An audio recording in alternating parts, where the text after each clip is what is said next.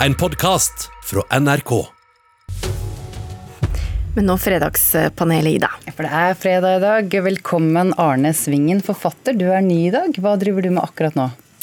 Nå holder jeg på å avslutte en ungdomsroman som skal komme til høsten, som heter 'Perfekt ondskap'. Oi, høres bra ut. Karen Kristine Blågestad, kulturredaktør i Fedrelandsvennen, med fra Arendal. Er du der? God morgen, god morgen. God morgen. Ja, jeg er her. Mathilde Fasting, historiker og siviløkonom i Tankesmien Civita. Hei. Hei. Første tema. Abid Raja får kritikk for ikke å ha gjort nok for kulturlivet under koronakrisen. Både fra utøvere og kunstnere i et opprop i Aftenposten, og fra opposisjonen på Stortinget, som Arbeiderpartiets Anette Trettebergstuen.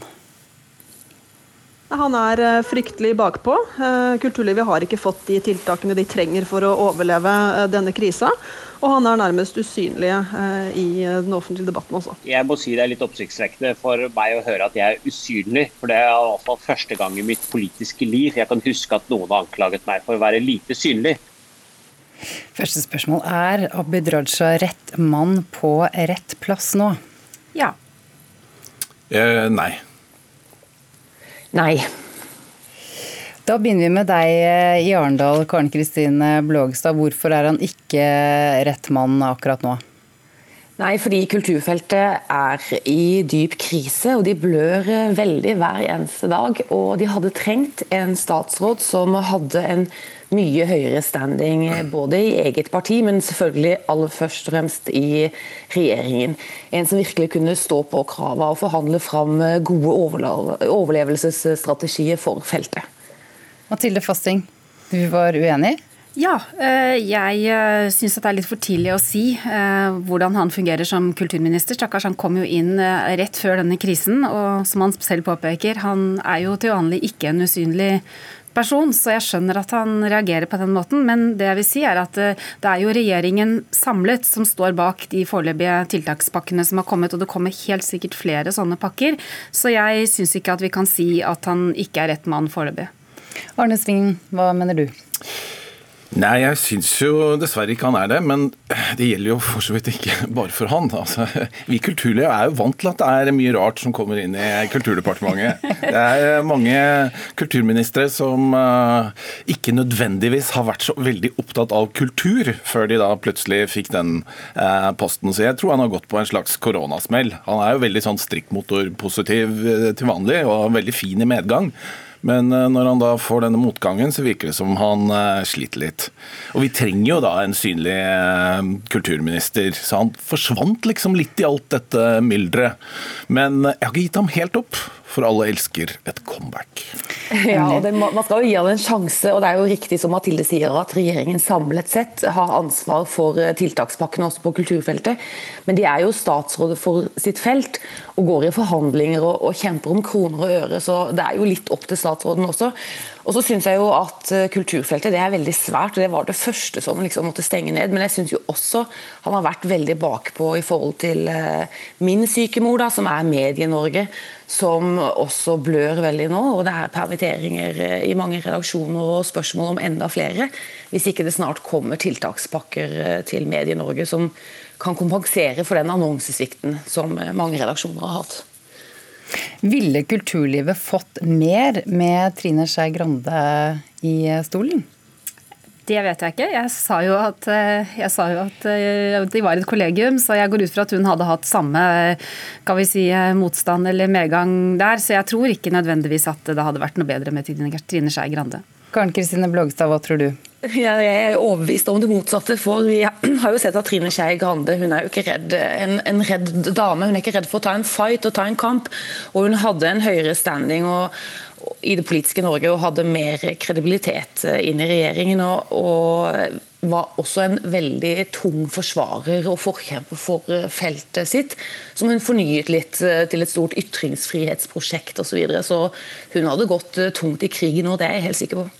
Arne Svingen? Det er jo veldig typisk for kulturlivet at uh, veldig mye handler om kroner og øre. Og uh, mye gjør jo selvfølgelig det. Men, ja, det, det. men jeg, for meg handler det jo også om at det skal være en kulturminister som er synlig, og som prøver, i hvert fall så godt han ha, uh, kan, å ha litt klare svar i en situasjon som er utrolig vanskelig for veldig mange kunstnere nå. Kort Mathilde, han ja, er jo synlig også med dette store håret. Hva er det jeg skulle si? Han får høre på Fredagspanelet, og så får han ta, ta rett og slett utfordringen å bli synlig igjen, sånn som han var før han ble minister. Neste tema. Vi velger heller film og serier enn musikk for tiden, viser nye tall. Mens strømmetjenestene som Netflix gjør det veldig bra, så viser det seg at vi strømmer mindre musikk nå. Artisten Staysman sier det slik. Den pila vår går jo litt nedover akkurat nå. Vi har jo spilt sånn 70-100 konserter hvert år i, i snart 13 år. Så det er klart, det, er, det, føles jo helt merkelig. Men det er jo litt uh, hyggelig å bli kjent med kona igjen nå, da. Det var Stesven. Vi kjøper også færre bøker, faktisk 60% færre bøker. Spørsmålet er skal vi rive oss løs fra TV-seriene? Ja. Nei. Karen Kristine? Nei, det må vi ikke. Nei, nei, nei. Hvorfor ikke, Karen Kristine i Arendal? For Vi kan jo ikke fraråde noen å benytte seg av kultur. Og så tenker jeg at eh, TV-serier er jo ikke bare TV-serier, det er jo utrolig mye bra kvalitet nå. Sånt er jo ikke sånn som man tenkte på 70-tallet, eh, når man advarte mot eh, TV-titting, at folk blir dumme av å se på TV. Det er høy kvalitet på veldig mye serier, og jeg tror det er altså Det er kunstneriske uttrykk i mange av disse seriene. Det er perspektivutvidende, lærerikt. Det er historiske ting. Det er, så, det er en stor skatt av TV-serier. Så vi bør gjøre heller mer av alt enn mindre av noe. Arne Svingen, er ikke TV-serien eh, den nye romanen? Jeg er jo spesielt opptatt av at eh, folk skal lese, men jeg er kanskje særlig opptatt av at barn og unge skal lese. For der er det jo nærmer det seg også full krise. Og jeg mener jo at dette er en anledning for en ny giv akkurat på det området. Eh, jeg ser det veldig tydelig f.eks. på min egen hjemmeside, og trafikken der ville nå vanligvis vært veldig høy, fordi veldig mange unge ville skrevet eh, litteraturoppgaver på skolen. Og nå er den, og lest bøker. Og den er bemerkelsesverdig lav, som tyder på at det er lite litteraturoppgaver, og det er lite lesing rundt omkring. Og jeg syns det er viktig da, at skolene nå gir oppgaver, og ikke minst hjemmene og foreldrene.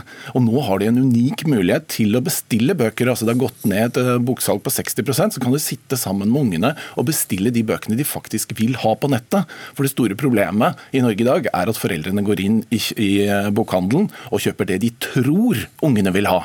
Og det er ofte noe helt annet enn det de har lyst til å lese. Skal tenke nytt der. Mathilde Fasting, er det ikke litt overraskende at vi nå kjøper og leser færre bøker?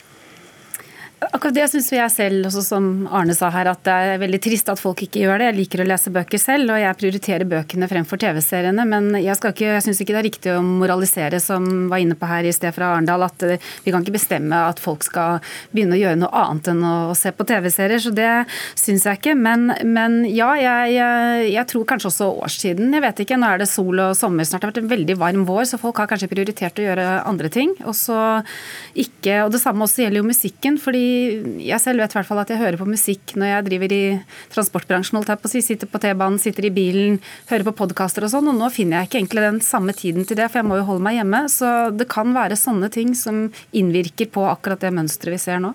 Mm.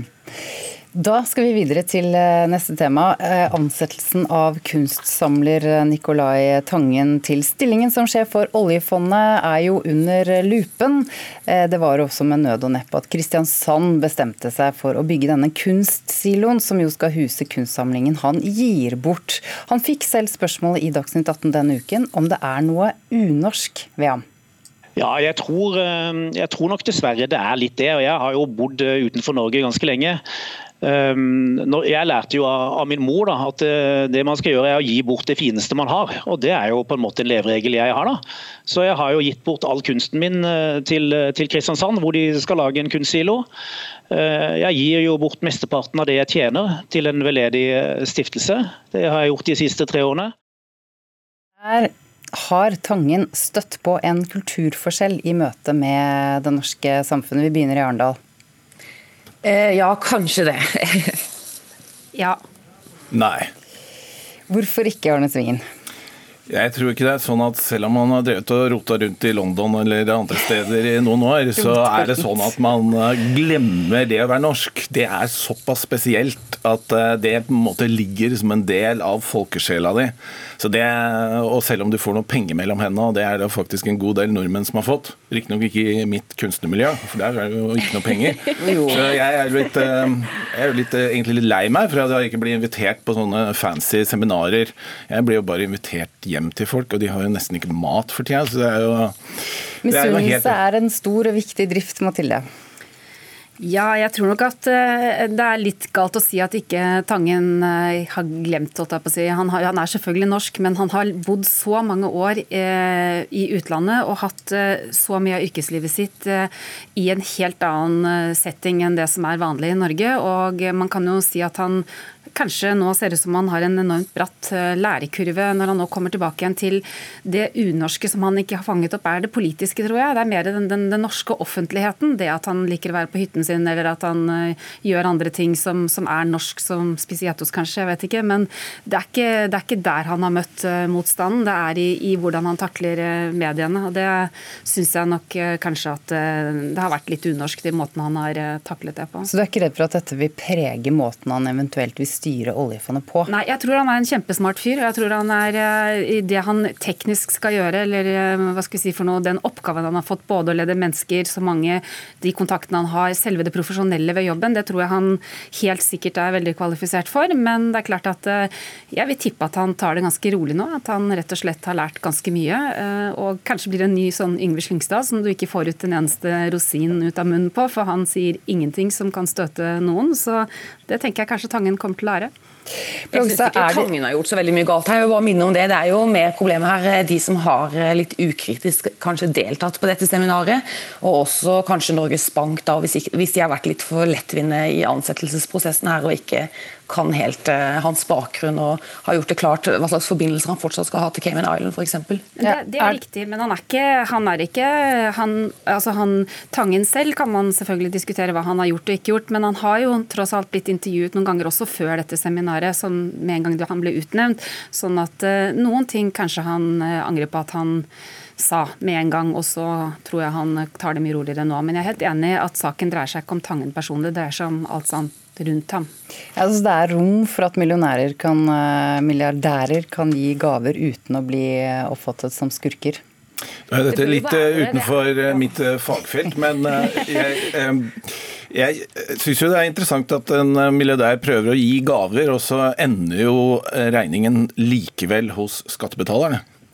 Og det er jo vi som må betale. Det er en beskrivelse av det som har skjedd i Kristiansand. Fordi kunstlivet og kulturfeltet er helt avhengig av Eh, veldedighet og gaver fra det private. og De har alltid fått det, og det har alltid vært en ganske sånn tett symbiose mellom velgjørere på kulturfeltet og det offentlige.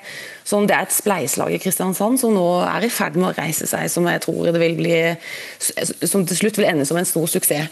Mest sannsynlig. Men jeg, jeg syns også at eh, det, altså det er Veldig mange mennesker i Norge jobber og bor i London, og, er, og også i finansmiljøet. Og det er eh, reisende mennesker. Altså, det er ikke tette skott mellom det norske og resten av verden. Så dette kulturkollisjonsaspektet tror jeg kanskje også er litt overvurdert. Eh, men denne veldedigheten og sånn, det er jo Eh, litt sånn vanskelig å håndtere. og denne, Det seminaret var også litt problematisk fordi det var litt rotete gjesteliste. Det var en blanding av eh, profesjonelle relasjoner, private venner, statsråder, regjeringsadvokater osv. Det ble litt eh, rotete. Det er kanskje sånn at mange kommer løpende når noe er gratis. Takk for at dere var med, alle tre. Arne Svingen, forfatter. Karen Kristine Blågestad, kulturredaktør i Fedrelandsvennen med fra Arendal. Og Mathilde Fasting, historiker og siviløkonom i Tankesmien Civita.